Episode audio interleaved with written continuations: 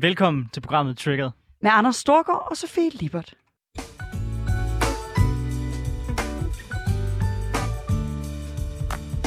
Så er vi tilbage i programmet, hvor vi vender ugens vigtigste politiske historier med gæster, der har skarpe holdninger, store visioner og markante meninger. Og vi er selv vant til at deltage i debatten. Vi plejede også at være vant til at stå i det her studie, men vi er, som I nok har hørt, rykket, og der sker mange ting på kanalen i dag. Og nu tror jeg også, at jeg kan følge med i øh, teknikken. Normalt deltager vi i debatten tidligere som landsformand for konservativ ungdom og landsfor kvinde for SF Ungdom. Så hvis du havde forventet neutrale værter, så er det det helt forkerte program, som du er tunet ind på. Ja, og det første, vi plejer at gøre i det her program, det er jo at se lidt tilbage på den uge, der er gået, og så øh, diskutere, hvad der egentlig har trigget os. Hvad har ramt vores politiske radar? Så lad os bare springe ud i det. Sofie, hvad har trigget dig den her uge? Jamen, noget, der virkelig trigger mig hver gang, der er et, et COP, som det jo hedder. Sådan et COP26, som der er lige nu, som er et kæmpestort klimatopmøde, hvor alle verdens magtfulde mænd og, og, og de få kvinder, der nu måtte være, de mødes til at snakke om, hvordan vi løser klimakrisen, og øh, blandt andet evaluere på de mål, som de har sat sig. Og der er rigtig meget i den forbindelse, der trigger mig. Det øh, er der slet ingen tvivl om, men noget, der virkelig kan pisse mig af, det er, øh, når jeg læser, hvad hedder det, øh, i min avis, øh, eller min forældres avis, jeg holder sgu ikke politikken, øh, i min forældres avis, hvor jeg var i weekenden, at øh, det i virkeligheden bare er klimaaktivisternes retorik, der er problemet. Øh, hvis bare vi sådan øh, talte lidt øh, mere håbefuldt om klimakrisen, øh, så vil det faktisk bare gå rigtig godt, og så skal vi tro på, at demokratiet kan løse klimakrisen. Øh, og det, jeg vil sindssygt gerne tro på, at klima, øh, demokratiet kan løse klimakrisen, og jeg øh, er jo også øh, selv øh, politisk aktiv, fordi jeg tror på, at, at det er den eneste måde, vi kan løse klimakrisen. Men det er godt nok svært rent faktisk at tro på, at jeg synes, det er så nedladende, når midalderen mænd sidder og fortæller øh, unge klimaaktivister, at deres retorik er problemet, fordi det har nogle gange aldrig, for mig at se, været tonen i debatten, der var skyld i, at der ikke skete en skid. Nej, og så langt tror jeg sådan set, vi er, vi er enige. Øh, jeg tror bare, at i den her debat bliver man nødt til også at adskille sådan lidt, hvad det er, vi taler om, når vi taler om klimaaktivister. Fuldstændig enige. Nogle af de folk, der sidder og skriver sådan nogle klummer der, de gider ikke at der sker noget på, på, på klimadagsordenen, og derfor så kan de bare skyde over på aktivisterne. Og så er det nemmere at sige, Greta Thunberg og sådan nogle folk er skingre, frem for at se på, hvad de er skingre om. Men når det så er sagt, så er jeg da enig i, at der i hvert fald er nogen af de mest radikale klimaaktivister, øh, for eksempel Extinction Rebellion, hvor man godt kan lidt få til at tro, at man har taget nogle af de samme sådan rimelig voldsomme rad venstreorienterede paroler, og så har man egentlig bare pakket det ind i noget øh, klimasnak. Når jeg har været til en klimamarch, som jeg alle de gange, jeg overhovedet kan deltage i, fordi jeg synes, det er en vigtig dagsorden, så hører man også nogle gange taler så som, vi skal lamme kritisk infrastruktur, øh, generalstrækker, og vi skal omvælte samfundet revolutionært, hvis ikke politikerne gør det, vi gerne vil. Og der er der enig i, at der ryger vi ud i en retorik, som kan faktisk være kontraproduktiv, fordi man ikke sikrer, at man får nogle politiske løsninger, men det bliver sådan en ny revolutionær retorik mod systemet, mere end en diskussion om at sige, okay, hvordan så vi for at få omstillet vores samfund og få rykket på dagsordenen? Der er stor forskel på at være uenig i retorikken og uenig i midlerne og sige, at det decideret er problemet. Fordi jeg tror, at noget af det, der kan pisse mig allermest af, det er, og det sker i mange politiske debatter, det sker også i kønsdebatten. Jeg har også fået at vide sindssygt tit, at hvis jeg bare kunne tale lidt pænere, lidt blødere og helst med en lidt dybere stemme om problemerne, så kunne det være, at vi faktisk kunne finde nogle løsninger. Men der findes nogle mennesker, der føler sig fuldstændig desperate, og vi kan være uenige i deres metoder. Men jeg mener grundlæggende ikke, at det faktum, at Greta Thunberg siger, at det er øh, historiens største krise, og at øh, vi måske ikke kan gøre noget er det, der gør, at vi ikke gør noget. Jeg mener, det, der gør, at vi ikke gør noget, det er, at der sidder nogle politikere, der gerne vil genvælge som fire år, og de vil helst ikke have det gør for ondt, og det kommer til at gøre ondt og løse klimakrisen. Det sidste er vi fuldstændig enige i. Fuldstændig enige i. Øh, jeg tror så bare, at selvfølgelig folk er så sådan, ligesom alle andre politiske debatter, at hvis man gerne vil have, at folk skal lytte til en, så skal man selvfølgelig også tænke over, hvordan man taler til dem, man har en dialog med. Og der er det ikke specifikt mindet på Greta Thunberg. Det er som sagt nogle af de andre mere ekstreme eksempler, som, som jeg kommer med. Og ja, mange af dem øh, i deres udtalelse bliver scapegoated, hvor nogle folk, der ikke ønsker, der skal ske noget på klimadagsordenen, bruger det som undskyldning for ikke at rykke på det. Og er de den primære årsag, at der ikke sker noget? Ja, det er de. Men det er også vigtigt, også selvom vi snakker klimakrise, at vi rent faktisk sørger for at have en demokratisk dialog, hvor vi sørger for at inddrage alle parter, for vi har faktisk brug for alle folk for at komme med på vognen for at løse krisen. Jeg er helt enig i, at vi skal have en demokratisk dialog. Jeg tror måske netop, jeg ikke synes, det er så super demokratisk, når man øh, vil fortælle folk, hvordan de helst skal formulere deres budskab. Jeg synes, det er bedst, hvis vi alle sammen må være med men det er jo, på men vores det er jo, præmisser. Men det er jo ikke helt rigtigt, Sofie. Altså, når, når vi snakker, lad os sige, indvandringspolitik, så plejer du og jeg at være ret enige om, at de folk, der taler allergrimmest om indvandrere, de er også med til at afspore debatten. Så derfor må du vel anerkende langt hen ad vejen, at selvfølgelig betyder tone og den måde, man siger ting på, og hvordan man taler om andre mennesker, også noget for evnen til at løse udfordringer i vores samfund. Nej, jeg, tror, jeg synes faktisk, at indvandringsdebatten er et rigtig godt eksempel. Og hele den seneste tids debat omkring, om der er racister i Nye Borgerlige, synes jeg er et rigtig godt eksempel. For jeg synes, de ting, Pernille Vermund siger på en høflig måde, er nøjagtigt lige så slemme, som de ting, folk skriver på internettet med mange stavefejl og grimme bandeord. Jeg synes, det er nøjagtigt lige så slemt, når tonen er pæn. Og jeg synes faktisk, det er et problem, hvis vi gør tonen til problemet. Fordi så anerkender vi ikke, at de folk, der er rigtig gode, har fået rigtig meget retoriktræning, rigtig gode til at formulere deres budskab, så det lyder pænt, at de også kan være skadelige, og at de samtidig også kan være positive. Dem, der øh, ikke kan finde ud af at formulere sig, så det lyder pænt og hyggeligt og høfligt. Selvfølgelig, men, men altså, jeg synes jo så også, at nogle, nogle af de ting, Værmund fyrer af, selvom det kan være pænt pakket ind, så formår det dog alligevel, synes jeg, at grave nogle skæld i vores samfund. Det er jo også et element af tonen. Du har ret i, man kan også formulere sig på en øh, knap så direkte måde, men alligevel sige det samme og grave de samme øh, skæld.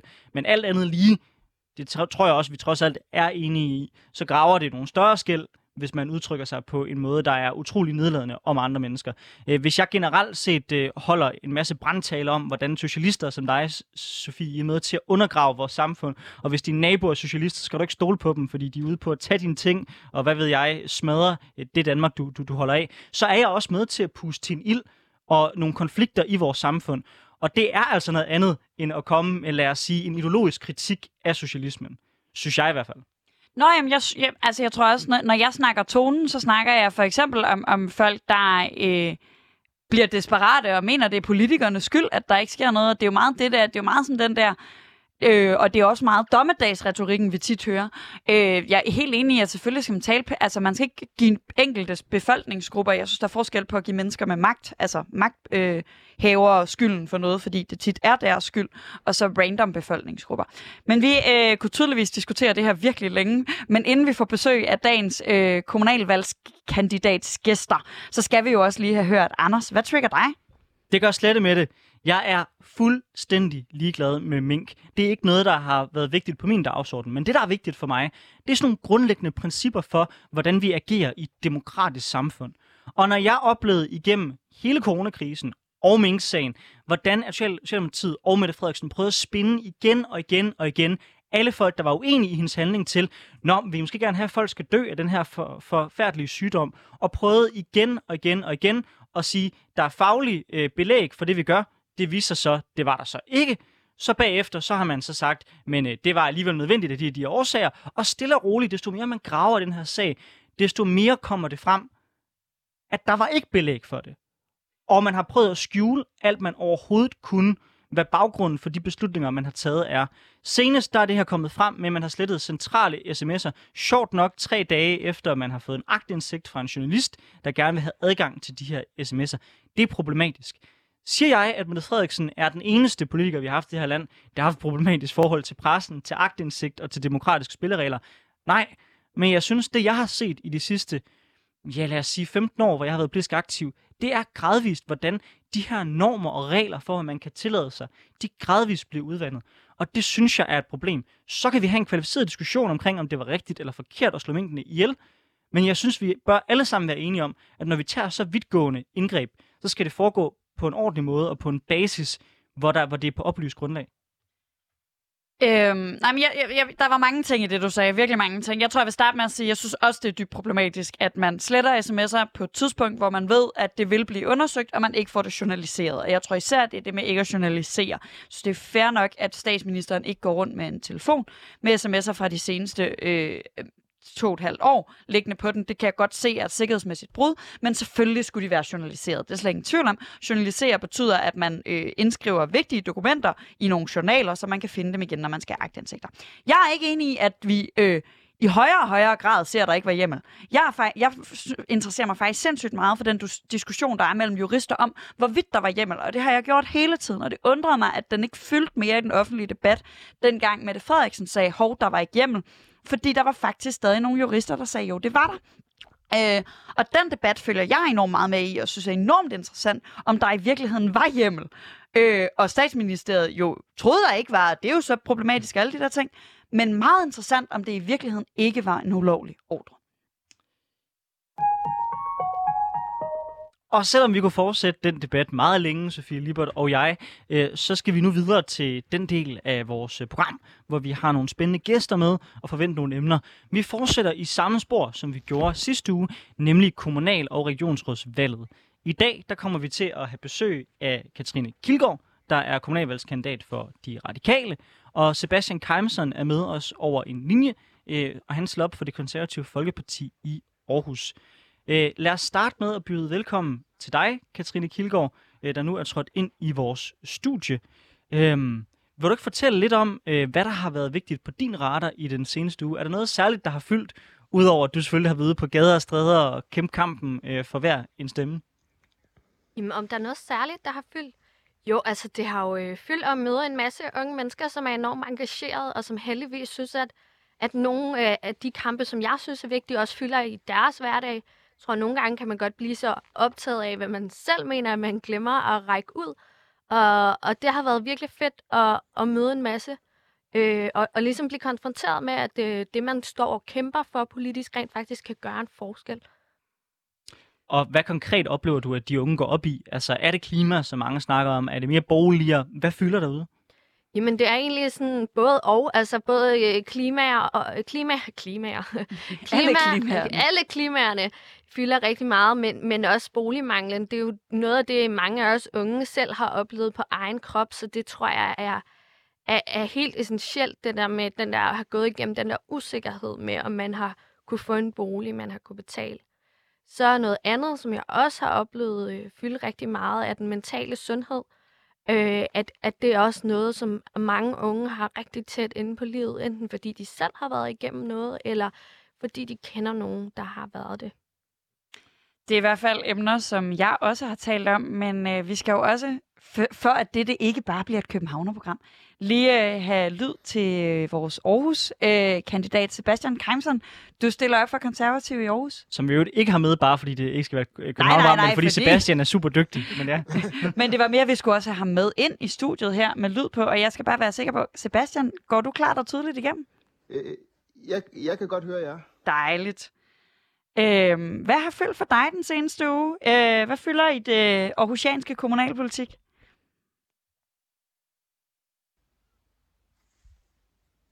Sebastian, kan du høre os?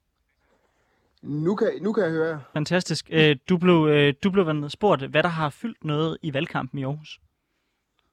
Jamen, det der har fyldt meget for mig, det øh, er egentlig også, ligesom Katrine siger, omkring boliger i Aarhus. Meget snak omkring almindelige boliger, og hvordan vi, hvad hedder, hvordan vi bygger i Aarhus, og hvordan Aarhus' udvikling skal være. Øh, Derudover har det også handlet meget om tryghed og infrastruktur, øh, hvordan vi ligesom binder Aarhus sammen, øh, i forhold til, at det er Aarhus, det er meget mere end bare inden for ringvejen, men det også handler om, øh, om hele kommunen og oplandet dertil. Så det er sådan nogle emner, der har fyldt rigtig meget øh, her i den, den første uge i valgkampen. To ting, som jeg har set har været ret meget på radaren, det har jo både været hele det her spørgsmål om at bygge højt, bygge højhuse ude på Aarhus Ø, og så letbanen, som mm. altid kan få mange aarhusianer op i det røde felt. Er det stadigvæk øh, noget, der, noget, der fylder derude, og er det noget, du også kan mærke? Øh, I hvert fald den måde, man bygger på i Aarhus Kommune, det er virkelig en debat, der, der har kørt længe, men øh, stadigvæk fortsætter også at fortsætte ind i valgkampen. Øh, og den har øh, øh, det diskuterer jeg også rigtig meget med folk. Øh, letbanen, den kører sådan lidt i baggrunden, øh, diskussion om den. Der, det, der er folk, det er så lidt, altså jeg går til valg på, at vi skal udbygge letbanen i etape 2. Øh, og der er folk sådan lidt, nå ja, fedt, men det er egentlig ikke sådan den, der står allerøverst på, på, på folks dagsorden. Nej, der stillede jeg jo op øh, i 2017 i Aarhus, og der var det nærmest det eneste, vi talte om. Så jeg er da glad for, at man har øh, bevæget sig videre i Aarhusiansk kommunalpolitik fra, fra letbanediskussionen. Møder du, når det er din mærkesag, stadig folk, der er... Øh, jeg husker folk være meget aggressivt imod letbanen. Er folk stadig det nogen steder?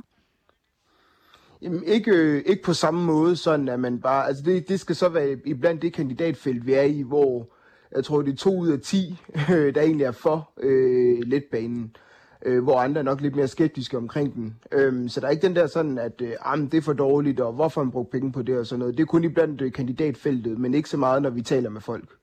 Katrine, det der, det er der vel også en, en, en kobling til debatten i København på, øh, netop hele spørgsmålet om metro, Lynetteholm og så videre. Øh, kan du se nogle ligheder med den valgkamp, I fører, og så det, du hører fra Aarhus af?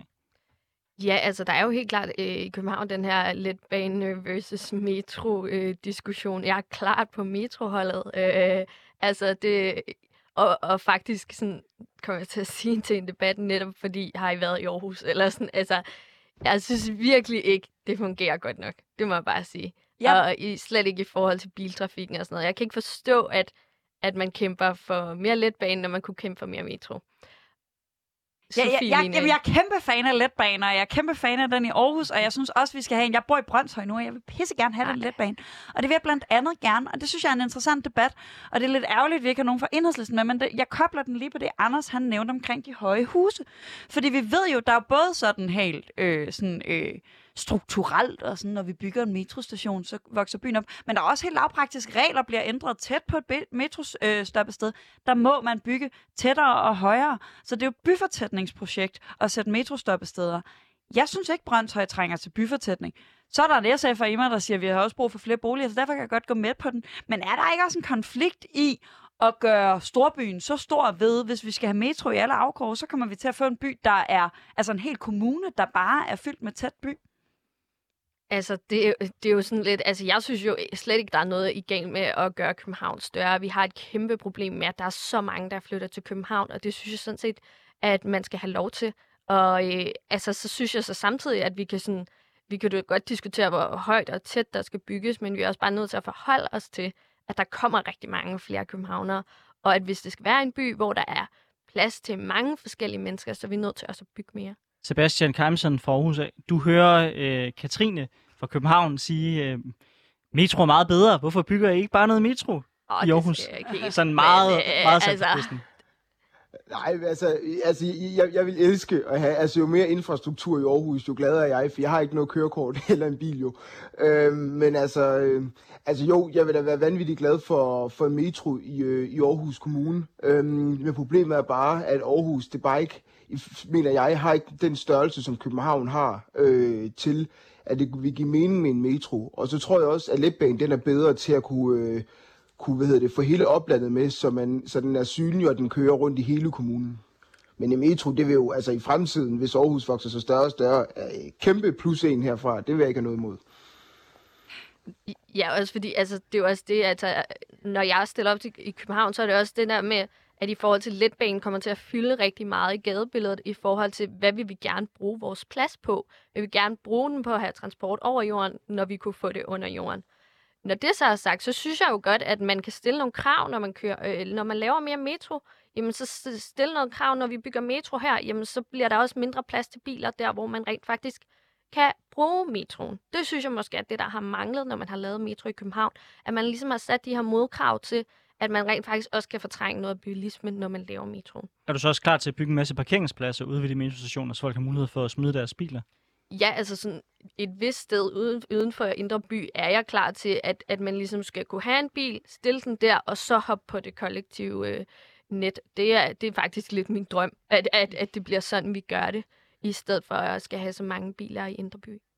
Jeg lover, at Nå, Sebastian, havde du ja. en kommentar? jeg vil bare sige, og det, og det er det samme, øh, som jeg også taler om i valgkampen i Aarhus. Det er så bare med letbanen, at hvis vi kan få de her flere etapper, eller i hvert fald en bedre infrastruktur, at vi ligesom har de her parkeringspladser rundt omkring, øh, omkring Ringvejen, eller øh, ved det, længere ude af Aarhus by, fordi så kan, som øh, Katrine siger, så kan folk stoppe op der og, og så tage øh, bussen eller letbanen ind til centrum, så vi ikke øh, har så mange biler inde i centrum. Ikke fordi vi vil gøre Midtbyen bilfri, men jeg tænker, at det er en god måde ligesom at fortsætte den proces på, som jeg tror helt naturligt Aarhus vil ramme på et eller andet tidspunkt. At der ikke at der er færre biler i Midtbyen, fordi at vi får, forhåbentlig får en bedre infrastruktur. Vil man høre mere om infrastruktur og parkeringspladser og den slags, så kan man lytte med i næste uge. Men vi er så småt klar til at gå i gang med dagens debat. Du lytter til Triggeret med Anders Storgård og Sofie Lippert, hvor vi har besøg af Katrine Kilgaard, kommunalvalgskandidat i København for Radikale, og Sebastian Keimsen, kommunalvalgskandidat for Konservativ i Aarhus Kommune. For nu skal vi nemlig videre til hoveddebatten. Flygtninge og integrationspolitik, det er store emner landspolitisk og i EU. Men i virkeligheden, der foregår det meste integration af nytilkommere jo faktisk ude i landets kommuner. Og de seneste år har flere kommuner også markeret sig på flygtningedagsordenen, blandt andet gennem en kampagne fra Mellemfolk i Samvirke, hvor kommuner vedtog hensigtserklæringer om gerne at ville modtage flygtninge for at presse regeringen til igen at begynde at modtage, kvoteflygtninge. I år der modtager Danmark hele 200 kvoteflygtninge. Det svarer til cirka to flygtninge for hver af landets 98 kommuner. I Københavns Kommune har, øh, der har man været med til at opfordre regeringen til at tage imod flere flygtninge, mens Aarhus Kommune har forholdt sig, forholdt sig mere tavse. Men skal kommunerne egentlig overhovedet blande sig i, hvor mange flygtninge, der kommer til Danmark? Eller skal de lade det være op til regeringen og udelukkende fokusere på integrationen? Der starter vi dagens debat. Katrine Kilgaard, du er både med med Radikale Venstre og Københavner. Mener du, kommunerne skal blande sig i antallet af flygtninge, der kommer til Danmark? Men Det mener jeg faktisk godt, man kan. Jeg mener godt, man kan lægge et pres på, øh, for at vi tager internationalt ansvar. Det gør København også i mange andre sammenhænge, ligesom at, at vil gå forrest på nogle områder. Og det synes jeg også sagtens, man kan her. Altså ligesom sende et klart signal til regeringen om, at det vil vi gerne, og vi er klar til at gøre, øh, lave arbejdet. Jeg beder, beder meget mærke i, at du siger signal. Så du anerkender vel, at det er landspolitikerne, som beslutter, hvor mange flygtninge vi modtager, og så kan du selvfølgelig sende det signal, at øh, hvis vi modtager nogen, så vil du gerne have København til at imod det. Men du mener vel stadigvæk, det er landspolitikerne, der skal beslutte, hvor mange vi modtager, ikke sandt? Jo, altså det er jo sådan, det er sådan spillereglerne er i hvert fald. Altså det er vi jo nødt til at forholde os til, at selvom vi bare gerne ville tage en masse flygtning, så kunne vi ikke bare gøre det. Øh, bare fordi det jo netop er regeringen, der sidder med kortet. Hvorfor er det et mål i sig selv, at Københavns Kommune skal tage imod flere, flere øh, flygtninge? Man kan jo sige, at København har jo allerede enormt mange med anden etnisk herkomst, som bor eksempelvis i områder som Nørrebro øh, og så videre, ikke? Men det er faktisk en meget sjov debat, fordi jeg hører tit i rigtig mange andre debatter, at sådan, ej, København må tage noget mere ansvar. København, I har mange penge. København, I kan det og det og det. Og når man så står her og siger, vi vil gerne tage den her opgave på sig, så er det også, så er det også lidt forkert, eller så er det ikke helt godt nok, ikke? Altså, jeg synes da, at det er mega stærkt at have øh, hovedstaden, der går foran og siger, vi vil gerne løfte den her opgave, vi har ressourcer til at løfte den, løfte den her opgave, og ligesom, ja, pres på regeringen for, at, at, at de tager noget internationalt ansvar. Sebastian Keimsen, hvad tænker du, skal kommunerne blande sig i, hvor mange flygtninge, der kommer til Danmark? Nej, jeg synes ikke, kommunerne de skal blande sig i, hvor mange flygtninge, øh, der kommer til Danmark, men kommunerne skal helt klart i samarbejde med KL og regeringen øh, ligesom aftale, jamen, hvor mange flygtninge sk- øh, skal kommunerne hver især tage, men øh, hvor mange der kommer til Danmark, og, og hvem der ligesom ligger den linje, det tænker jeg, det er udelukkende regeringen, og derfra så er det så regeringen, der sammen med kommunerne skal, øh, kan lave aftale om, jamen, hvordan kvotesystemet internt i Danmark så skal være. Men Sebastian, Aarhus er jo en stor kommune med mange ressourcer. Er det ikke rimeligt nok, at en by som Aarhus melder sig ind på banen og siger, at vi kan faktisk godt tage vores del, hvis der skulle komme flytninge til Danmark? Jo, altså hvis man øh, kan finde ud, øh, finde ud af det øh, med de 8, 98 kommuner og regeringen og sige, jamen nu kan vi lave et, øh, et system, alt efter kommunestørrelse, alle de her ting, lidt ligesom man har øh, på, på EU-basis i forhold til, øh, hvor stor ens land er og alle mulige ting, jamen så tænker jeg, så er, det, så er det da helt fint, men i forhold til at sige, jamen vi skal tage flere flygtninge, eller der skal flere flygtninge generelt til Danmark, det mener jeg øh, udelukkende kun er, er regeringens ansvar. Nu øh, nævner Katrine, at, at øh, hun sådan tænker, at København kan tage flere, men det kommer også i det her perspektiv, at både Københavns Kommune og Aarhus Kommune er kommuner, der har løftet ret store integrationsopgaver, der har mange flygtninge i forvejen, og også har mange øh, efterkommere. Øh, tænker du, at Aarhus kan løfte en, en større opgave, hvis det, hvis, man, hvis det var dig, der sad i forhandlingsbord, øh, ved forhandlingsbordet mellem KL og regeringen, når flygtninge kom, er du så klar til, at Aarhus øh, tager et større ansvar for øh, Øh, ja, til gengæld enten at, hvis ikke det kan være for at tage flere øh, flygtninge generelt til Danmark, så øh, for at lade nogle andre mindre ressourcestærke kommuner slippe lettere. Øh, nu laver jeg gåsøjne i radioen. Mm. jo, altså, øh, altså hvis Aarhus Kommune og København, altså hvis de store kommuner, sammen med regeringen, og altså alle, hvis alle kommunerne kunne finde et system, hvor vi siger, jamen ud fra kommunestørrelse og antal ressourcer, kan finde et system, der er øh, enkelt og færre, jamen så, så synes jeg, det giver fin mening.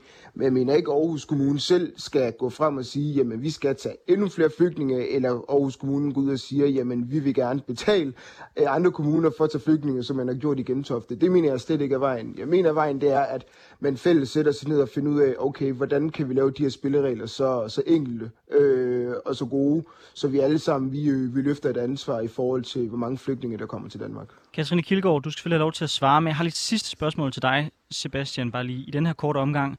Øhm, Mark Pereira Christensen, der jo er tidligere rådmand for det konservative Folkeparti i Aarhus, og som var leder af øh, din, din lokale afdeling i mange år, Sebastian, han, øh, han udtrykte jo dengang under flygtningekrisen, at Aarhus ikke skulle tage imod øh, flygtninge overhovedet, fordi han mente, at med øh, Gellerup øh, og de store integrationsudfordringer, der er derude, så havde Aarhus i forvejen taget imod alt for mange flygtninge. Er det også din position? Vil det være den samme holdning, øh, der vil øh, være fra din side, hvis du bliver valgt? Altså, min helt øh, personlige holdning, så, så, vil det ikke, så vil det ikke være den, fordi så kan vi alle sammen rende rundt og sige, at vi vil overhovedet ikke have nogen. Altså, hvis folk, de, altså, hvis vi er en del af et kvotesystem øh, på europæisk plan, og vi aftaler med de andre lande, jamen Danmark skal tage så og så mange flygtninge, jamen så skal vi holde ved vores aftaler. Øh, og hvis man også internt i Danmark kan lave en aftale på tværs af alle kommuner og sige, jamen sådan og sådan, jamen så skal vi stå ved den. Det, øh, der har jeg nok lidt mere sådan en socialkonservativ holdning til det, at jamen selvfølgelig skal vi løfte vores ansvar, når der kommer nogen. Vi skal hverken tage flere, eller sige, at vi vil gerne have flere, eller vi vil slet ikke være nogen, men vi skal tage den del, som er passende for en, øh, for en, øh, en kommune af Aarhus' størrelse. Mm. Jamen, så kunne det også være fedt, hvis I så rent faktisk gik ud og sagde, at I var klar til at løfte det her ansvar. For det er faktisk sådan rimelig øh, hvis man sige, stolt af, at København der faktisk presser på for, at, at regeringen skal tage det her ansvar. For det ligger, om ikke andet, så et pres på dem, at øh, når vi har faktisk øh, boliger til rådighed, der er faktisk boliger til overs til at løfte den her opgave, og til at der rent faktisk kunne være nogle flygtninge. Og når vi så netop har øh, en regering med sådan, altså virkelig lave ambitioner på det her område, som rent faktisk tager færre kvoteflygtninge end det, der er lagt op til, jamen, så kunne det da være fedt, hvis de to største kommuner i landet ligesom var, var ude og presse på. Så, øh, så den, kan du, øh, den bliver lige sendt til Aarhus, så kan I jo tænke over det. ja, men nej, nej, jeg, jeg, mener ikke, jeg mener ikke, vi skal sætte yderligere pres eller noget som helst. Jeg mener bare, at vi skal finde, øh, finde en løsning fælles, uden at den ene kommune øh, skal altså, behøver så række hånden op og sige, jamen vi kan godt tage flere, vi kan godt tage flere. Altså, jeg tænker jo, altså jo, et lige system fælder, så, så, så, tænker, jeg, så ser vi en ulighed med, jamen så er der en kommune, der får rigtig mange, og så er der en kommune, der rent økonomisk godt kunne tage lige så mange, men ikke tager nogen. Altså jeg tænker, lad os nu lave et system, hvor det er helt fair, men jeg mener ikke, at det er noget med, at vi skal gå ud og, og, og, og presse regeringen for, for at, at, at skulle tage flere eller, eller, eller færre. Jeg mener bare, at det, det skal bare være et, system, hvor det giver øh, mening i forhold til kommunernes størrelse. Fordi vi er en del af en europæisk aftale, hvor vi, hvor vi skal tage imod øh, hvad hedder det, flygtninge. Jamen, der har jeg det jo bare sådan lidt, at den, det der er fint nok med et system, hvor vi fordeler dem og sådan noget, men lige nu, lige nu tager vi så få, at man nærmest ikke kan lave et system. Så jo, to per kommune, det kunne måske være systemet, mm. øh, hvor at, at der synes jeg faktisk godt, man må lægge pres på, at ens regering tager et, et internationalt ansvar, når man er en, en storby med masser af ressourcer.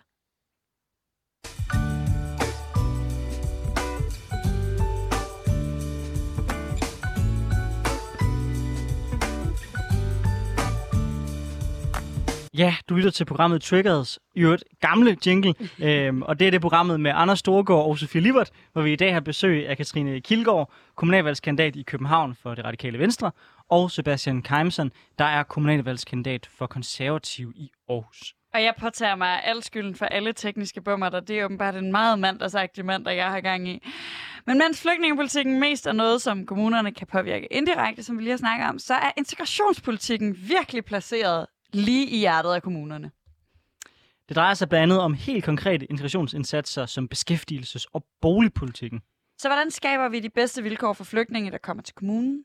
Øh, det vil vi rigtig gerne høre dagens gæsters bud på, og jeg vil gerne starte hos dig den her gang, Sebastian Keimsen. Hvad mener du sådan er kendetegnende ved en god integrationsindsats? Jamen, en god integrationsindsats, det er, at de flygtninge, der kommer til Danmark på den ene eller anden måde, de øh, selvfølgelig kommer ud og får et arbejde. Jeg mener, den bedste socialpolitik, det er at se ens forældre gå på arbejde. øh, og med til at bidrage til, til, til, til, til samfundet.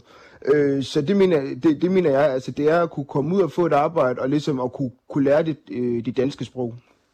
Hvordan tænker du, at I som øh, kommune kan være med til at bidrage til, at folk får et arbejde? Skal kommunen stille jobs til rådighed? Skal det handle mere om øh, hvad hedder det, ydelsespolitik? Hvordan, hvordan kan I som kommune øh, sikre, øh, at de her børn ser deres forældre gå på arbejde? Ja, øh, for eksempel så var jeg for, for en uge siden ude på FGU øh, i Aarhus, øh, som en forberedende grunduddannelse, men der var jeg i en klasse med, med, hvad hedder det, med flygtninge fra, fra Syrien øh, og ned fra, fra Nordafrika og Mellemøsten.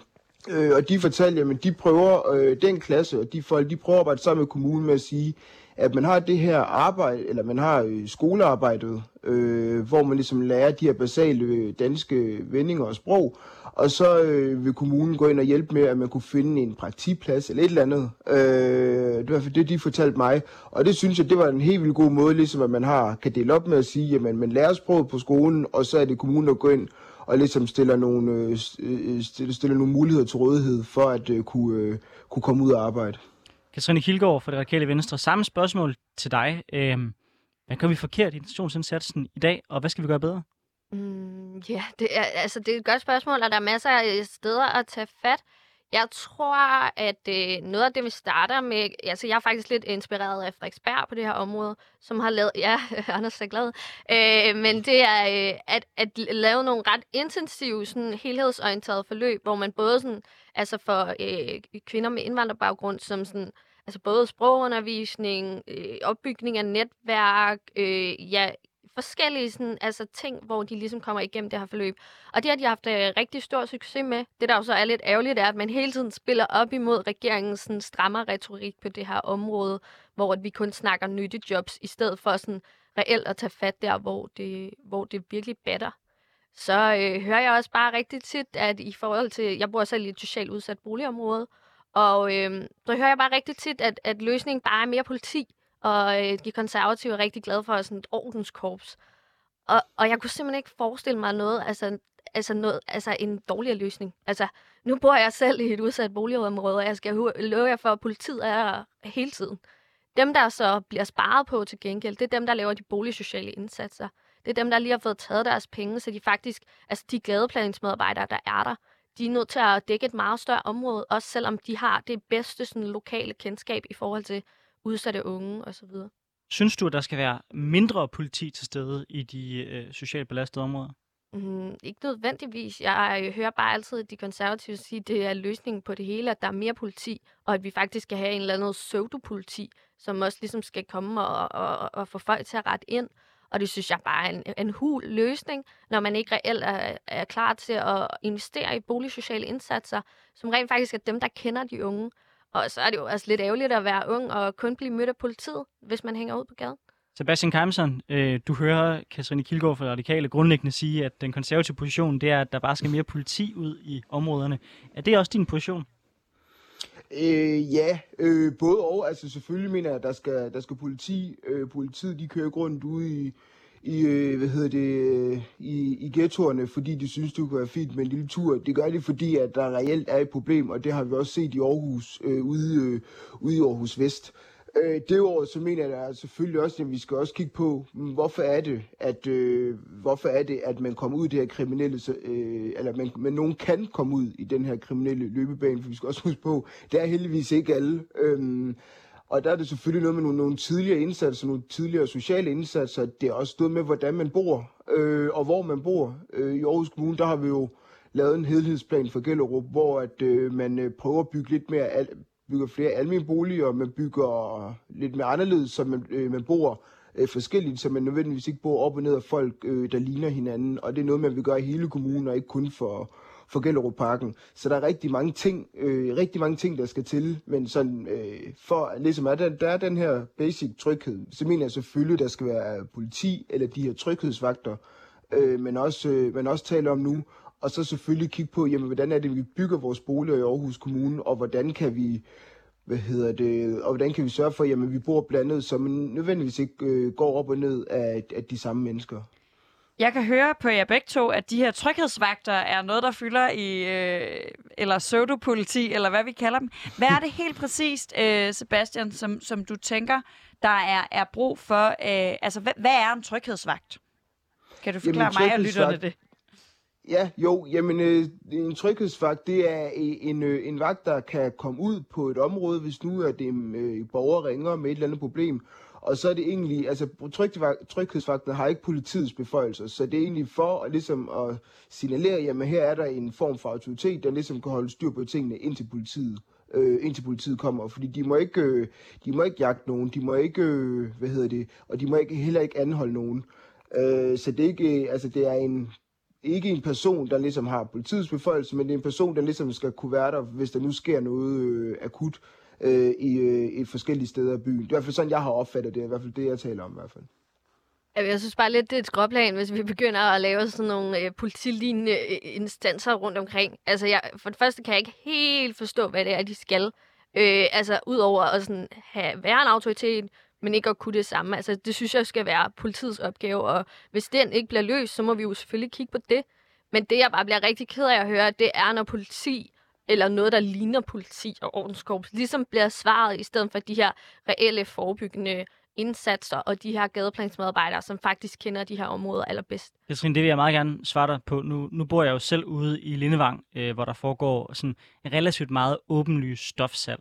Øh, der, det jeg tænker, sådan et korps her kan gå ind og gøre, det er jo netop at sikre, at når man går alene en, en sen aften, så er der ikke den der mulighed for, at der hele tiden holder biler ind og sælger vandstoffer, fordi der er folk, der har, under, der har opsyn i området. Og så kan man godt diskutere, om du kan gøre noget med den forebyggende indsats, men det får vel ikke stofhandlen væk fra området, gør det? Nej, men jeg, det ved jeg bare heller ikke, om jeg tror, at en tryghedsvagt gør. Altså, det, det, det vi er simpelthen nødt til, altså, øh, nu kører vi så ind lidt på et andet område, men vi er nødt til at, at kigge på vores stofindsats på en helt ny måde. Altså, fordi jeg tror altså ikke, hvis du tror, at, at det forsvinder, fordi man får nogle tryghedsvagter, som hvad jeg hører egentlig ikke rigtig har noget beføjelser, lidt skal ligne politiet, uden at være det, så tror jeg, man stikker sig selv blå i øjnene. Altså. Sebastian Kamsen, hvad vil tryghedsvagt overhovedet hjælpe? Øh, jeg mener, det vil hjælpe en hel del øh, i det her udspil, som konservativ og Dansk Folkeparti er kommet i Aarhus Kommune. Så er der også tale om, at man vil have, øh, hvad hedder det, nogle, øh, nogle, øh, nogle droner med, med videoovervågning, øh, hvis du, at der er et eller andet akut ude et sted, så man ligesom kan se, jamen, hvor er de kriminelle, og hvordan kan vi, hvordan kan vi fange dem øh, for mig handler det om at stresse dem, der er, der, øh, der skaber utrygheden, indtil man til sidst øh, fanger dem. Og det mener jeg, at de her tryghedsfaktorer, de kan hjælpe, øh, hjælpe til med. Der, politiet, de kan desværre ikke være alle steder. Øh, fordi i den ideelle verden, jamen, så mener jeg da også, at vi skulle give flere penge til politiet. Problemet er bare, at der ikke er nok politibetjente, der uddanner sig. Øh, så derfor så må man nødt til at kigge på, kigge på, andre, kigge på andre måder øh, og, gør, og gøre det på, øh, indtil at vi ligesom kan have et politikorps, der kan tage den opgave. Så, øh, så jeg mener, at øh, tryghedsfaktor, det vil hjælpe rigtig meget her på, øh, på, på kort sigt, men på længere sigt, så ville det ideelt jo være, at, øh, at, der var flere, at vi havde flere betjente i, øh, i, i de områder. Alright, jeg synes, at debatten her, øh, den gled selvfølgelig meget ind i spørgsmålet om kriminalitet, men lad os prøve at føre det tilbage igen på hele spørgsmålet om integration. Øh, Sebastian nævnte øh, selv øh, helhedsplanen Gellerup, hvor man rev øh, nogle af de store blokke ude i Gellerup ned, og så i stedet for prøvede at lave noget forskyndelse i området og sikre, at området blev mere attraktivt. Er det en model, du kan forestille dig, Katrine Kilgaard, man kunne overføre til Københavns Kommune, og tage nogle af de områder, hvor man ved, at der for eksempel på Nørrebro bor enormt mange mænd i dets herkomst, og så få skabt noget mere blandet bolig i det område, simpelthen ved at rive nogle af de der gamle øh, blokke, der er måske bygget i 50'erne, 60'erne og 70'erne ned?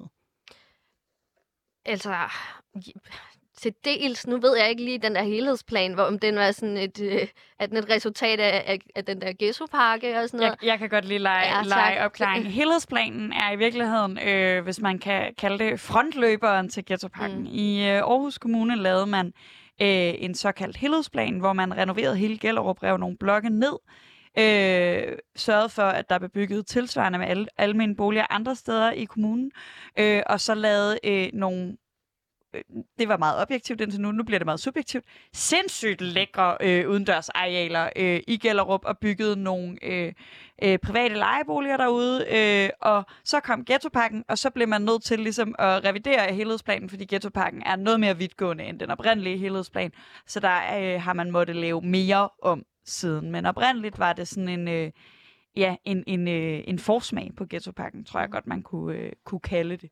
Ja, altså jeg mener jo helt sikkert, at selvfølgelig skal vi kigge på de her områder og lave mere øh, blandede øh, bebyggelser, helt sikkert. Jeg mener bare, at ghettoparken er svaret på det, men derimod, altså sådan, så må det jo være dem, der har den lokale kendskab, der ligesom finder ud af, hvordan man, hvordan man løser opgaven. Jeg mener simpelthen ikke, at det giver mening bare at rive folks boliger ned. Nu snakker vi det, øh, om det bare sådan, det er jo socialt udsatte områder, men der er altså også bare rigtig mange mennesker, der er glade for at bo der. Og, som, og det betyder ikke, at der ikke er problemer. Jeg er også glad for at bo der, hvor jeg bor, selvom at, øh, at øh, vi nok ligger og, og vipper på noget, der hedder rimer på ghetto. Ikke? Altså, hvor at, at det, den her sådan fremmedliggørelse med at rive folks øh, boliger ned, og så på nogle helt absurde kriterier. Men når det så er sagt, jamen jeg kan godt blive enig om, selvfølgelig skal vi gøre de her områder mere attraktive. Vi skal sørge for, at man netop både har ejer og lejer og andel i, i de samme områder. Øh, og en opgave, der ikke er blevet løftet i København, hvor vi jo bare altså, nu bygger nye områder, hvor alt koster mega mange penge, hvilket jo også er en fejl. Øh, bare på den anden, øh, i den anden ende af skalaen, ikke? Sebastian, du nævnte både øh, det her med, at der bliver revet boliger ned, men faktisk også, at der i Aarhus Kommune øh, bliver bygget nye boliger. Og vi kan høre på Katrine, hun er ikke så klar til at rive folks boliger ned. Hvilken del tror du er, er det vigtigste redskab i integrationen? Er det at, øh, ja i virkeligheden, øh, sørge for, at der er almene boliger alle steder i kommunen, eller sørge for øh, at øh, rive boliger ned i eksempelvis Gellerup? Øhm, det er sådan både og, fordi jeg, jeg var til en debat for en uge siden med nogle unge mennesker, øh, der gik i 8. 9. 1. G, øh, som bor ude i Gellerup, hvor de sagde, jamen det her med, at man begyndte, eller man begyndte at rive nogle bygninger ned i, øh, i Gellerup, og ligesom gjorde Gellerup lidt mere, for at bruge deres, altså lidt mere federe sted, de synes, de var mega fedt, fordi at så var det nemlig ikke de her, bare de her betonplukker. Så kunne de se en fremtid i, jamen det her sted, wow, det der er sted, jeg er stolt af, det er Gellerup, det, øh, vi får grønne arealer, og det bliver ikke sådan et sted, hvor, at, øh, hvor der er sådan nogle øh, små huller, hvor kriminaliteten er. De var virkelig kæmpe øh, stor fan af det. Jeg ved godt, at en gruppe på 10, de ikke er repræsentativ for hele Gellerup, men det gav mig et lille indblik i, at der er faktisk nogen, i hvert fald den fremtidige generation, der synes, det er virkelig fedt, at man begynder at lave noget med det, øh, gøre noget ved deres boligområde, øh, for ligesom de kan være stolte af, at jamen, det herude, de bor, og det, det er bare sådan, det skal være. Øhm, til det med almene boliger, så mener jeg, at vi selvfølgelig skal være flere almene, almene, almene boliger øhm, i Aarhus Kommune helt generelt. Jeg mener, når man skal bygge boliger, jamen så skal i hvert fald øh, 20 procent af dem være, øh, være almene, øh, for at vi får en blandet by, og folk de kan bo op og ned af hinanden, lige meget om man er direktør eller enlig mor. Øh, for det gør kun vores by ikke forbruger mangfoldig, men nu gør det alligevel med mere mangfoldig og en by, men hvor, at, øh, altså, hvor vi er oceaner, vi er jo Smils by, og det er jo dejligt, at vi kan bo op og ned hinanden og bare være glade. Du lytter til Triggered med Anders Storgård og Sofie Lippert, og vi har i dag besøg af Katrine Kilgaard, der er kommunalvalgskandidat i København for Radikale, og Sebastian Keimsen, der er kommunalvalgskandidat i Aarhus for Konservative. I dag der debatterer vi flygtninge- og integrationspolitik i kommunerne. Noget, der ofte skaber politisk debat i kommunerne, det er de mere sådan, hvad kan vi kalde det, værdipolitiske sager. Mange af os øh, husker frikadellekravet i daginstitutionerne i Randers, og flere steder har man også diskuteret, om der må være kønsopdelte dage i svømmehaller, så kvinder, der ikke vil svømme sammen med mænd, stadig kan komme i svømmehallen. I kandidattesten der finder man spørgsmålet, offentlige institutioner tager for mange hensyn til minoriteter. Så Katrine Kilgaard fra Radikale Venstre, gør vi det? Tager vi for meget hensyn til minoriteter? Det mener jeg egentlig ikke. Okay, nu skal jeg lige vente. Du vender den rigtigt. Jeg vender den rigtigt. ud, ud fra det, jeg forventer, jeg du har været meget, Jeg har været meget tidlig op i morges. Øh, simpelthen, nej, men det mener jeg ikke, altså, vi gør. Altså, jeg, jeg mener for det første, så mener jeg, at det er en opgave, som ligger ude hos de institutioner, der ligesom har med det at gøre, der ligesom ved, hvad giver mening i vores børnehave, hvad giver mening i vores folkeskole. Øh, og så, så mener jeg, at, at de bedste løsninger, der bliver fundet lokalt. Jeg synes, det er helt mærkeligt, hvis man skulle begynde at, at bestemme, hvad folk skulle spise, for eksempel. Sebastian Kamson, super kort øh, lige til dig også. Synes du, vi tager for mange hensyn til minoriteter? Øh, jeg, kan, jeg, jeg skal ærligt sige, jeg kan ikke huske, hvad jeg svarede i den, der, i, i den test, men jeg kan i hvert fald sige, at øh, nej, det, altså det er sådan både over nogle steder, så synes jeg, men sådan helt sådan grundlæggende basis, så synes jeg det egentlig ikke. Jeg synes, at de her, ja, det var kort, så nej, det synes jeg ikke.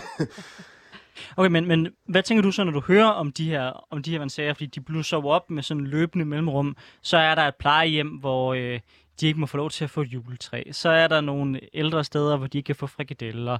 Så er der nogle øh, daginstitutioner, hvor man ikke må servere svinekød. Øh, det er jo noget, der kan få i hvert fald nogle folk på højrefløjen øh, meget op i det røde felt. Kan det også få dig op i det røde felt? Jamen, det, det kan det også, øh, men det er ikke fordi, at, at jeg tænker, at folk de har et, øh, et retskrav på at spise frikadeller og have et juletræ og sådan, noget, sådan nogle ting. Altså, jeg mener, at, øh, og det er nok det, som også det, det som Katrine siger, jamen, beslutningerne, det er bedst derude, hvor, altså, de bliver taget bedst de steder, hvor, at, øh, hvor tingene ligesom sker. Øh, og hvis der er nogen, der rigtig gerne vil have et juletræ øh, på et plejehjem, så skal de selvfølgelig have juletræ. Øh, og så synes jeg ikke, at der på grund af at din religiøse overbevisning eller alt muligt andet, at man ligesom skal kunne øh, blokere, øh, blokere for det. Øh, hvis folk de vil have frikadeller, jamen fint, hvis det plejehjem, de er på, eller den skole, de er på, øh, hvor det giver mening, jamen så, så, så synes jeg, at man skal have det. Hvis folk vil vegetarisk eller vegansk bad, jamen så skal man have mulighed for det, øh, hvis det passer ind i det sted, hvor øh, man er på den institution, man er. Øh, så, så, så, så der er nok sådan lidt, jamen det, det, beslutninger bliver bedst taget der, hvor det sker. Øh, og, folk, de, øh, og hvis folk gerne vil have frikadeller, jamen, så skal de have lov til at, til, til at få det. Øh, så jeg synes ikke, at man skal gå ud og blokere for, øh, for sådan nogle ting, øh, hvis nu der er en mindre gruppe, der øh, ikke synes godt om juletræ eller frikadeller, eller hvad det måtte være. Katrine Kilgaard, jeg tænker, du er enig grundlæggende i, at man skal sikre fleksibilitet, men hvis vi så prøver at lave et helt konkret eksempel. Nu har vi et plejehjem, lad os sige, det er, hvad kan vi, hvad kan vi sige, lad os sige, det er Amager plejehjem. Øh, der, der har du øh, 80% der er danskere, og 20% der er øh, andenlæsk herkomst, som for eksempel ikke må spise svinekød. Godt. Skal de stadigvæk servere svinekød? Øh, også, også selvom øh, der vil være nogen, som ikke vil kunne spise det, skal de servere begge dele, øh, velvidende det måske gør, at der kommer en højere regning, som I så skal finde nogle penge til i kommunalbestyrelsen. Hvad er den rigtige løsning i sådan et dilemma? Jamen, altså, jeg synes jo for det første, så kan man jo, øh, ligesom hvis jeg skal leve op til det, jeg sagde, ligesom høre, hvad, hvad synes de er den gode løsning der, hvor de er. Øhm, men så samtidig vi er jo nødt til at sikre, at der er noget med. Det er vores ansvar, at, at man får noget at spise, når man er på en, en offentlig institution. Så der skal selvfølgelig være noget, som alle kan spise. Og jeg er egentlig også mit indtryk, at det går ret godt. Eller sådan, så kan vi diskutere madens kvalitet og alle sådan nogle ting. Men at, at der generelt er, er mad, som, folk, som alle kan, kan få at spise. Der, hvor jeg nogle gange synes, det halter lidt, det er netop med, og nu nævnte med det her med vegetariske og veganske alternativer, som, som er i hvert fald noget, hvor jeg gerne vil sætte ind, fordi jeg synes, det rimer ret dårligt på at vil være en så grøn kommune, som, som København gerne vil være, og at det så nærmest nogle steder er umuligt at få vegansk eller vegetarisk. Vi ser øh, nogle steder, nogen, der bliver klemt i nogle mærkelige situationer i daginstitutioner, hvor man ligesom skal spise det fælles måltid, alle børnene, men der er nogen, der gerne vil have, at deres børn spiser vegansk eller vegetarisk. Og det må de så ikke, for de må ikke selv tage mad med, men de må heller ikke styre, hvad barnet ligesom skal spise i daginstitutionen. Og det synes jeg er et ret vildt sådan, øh, dilemma, det her med, når du ligesom ikke får lov til, fordi du går i et offentligt tilbud, og, og, og bestemme, hvad dit barn gerne må få at spise. Så du vil i virkeligheden måske gerne ophæve kravet om, at man skal spise øh, den samme fællesret? Ikke nødvendigvis. Man skal bare ikke kunne blive sådan altså man skal ikke kunne blive fanget i det her. Altså så Men... skulle man have lov til at tage sin egen mad med. Man kan ikke både sige, vi skal spise det samme, og at du må tage det eget. Men så er det vel også en ophævelse af kravet om, at man skal spise det fælles.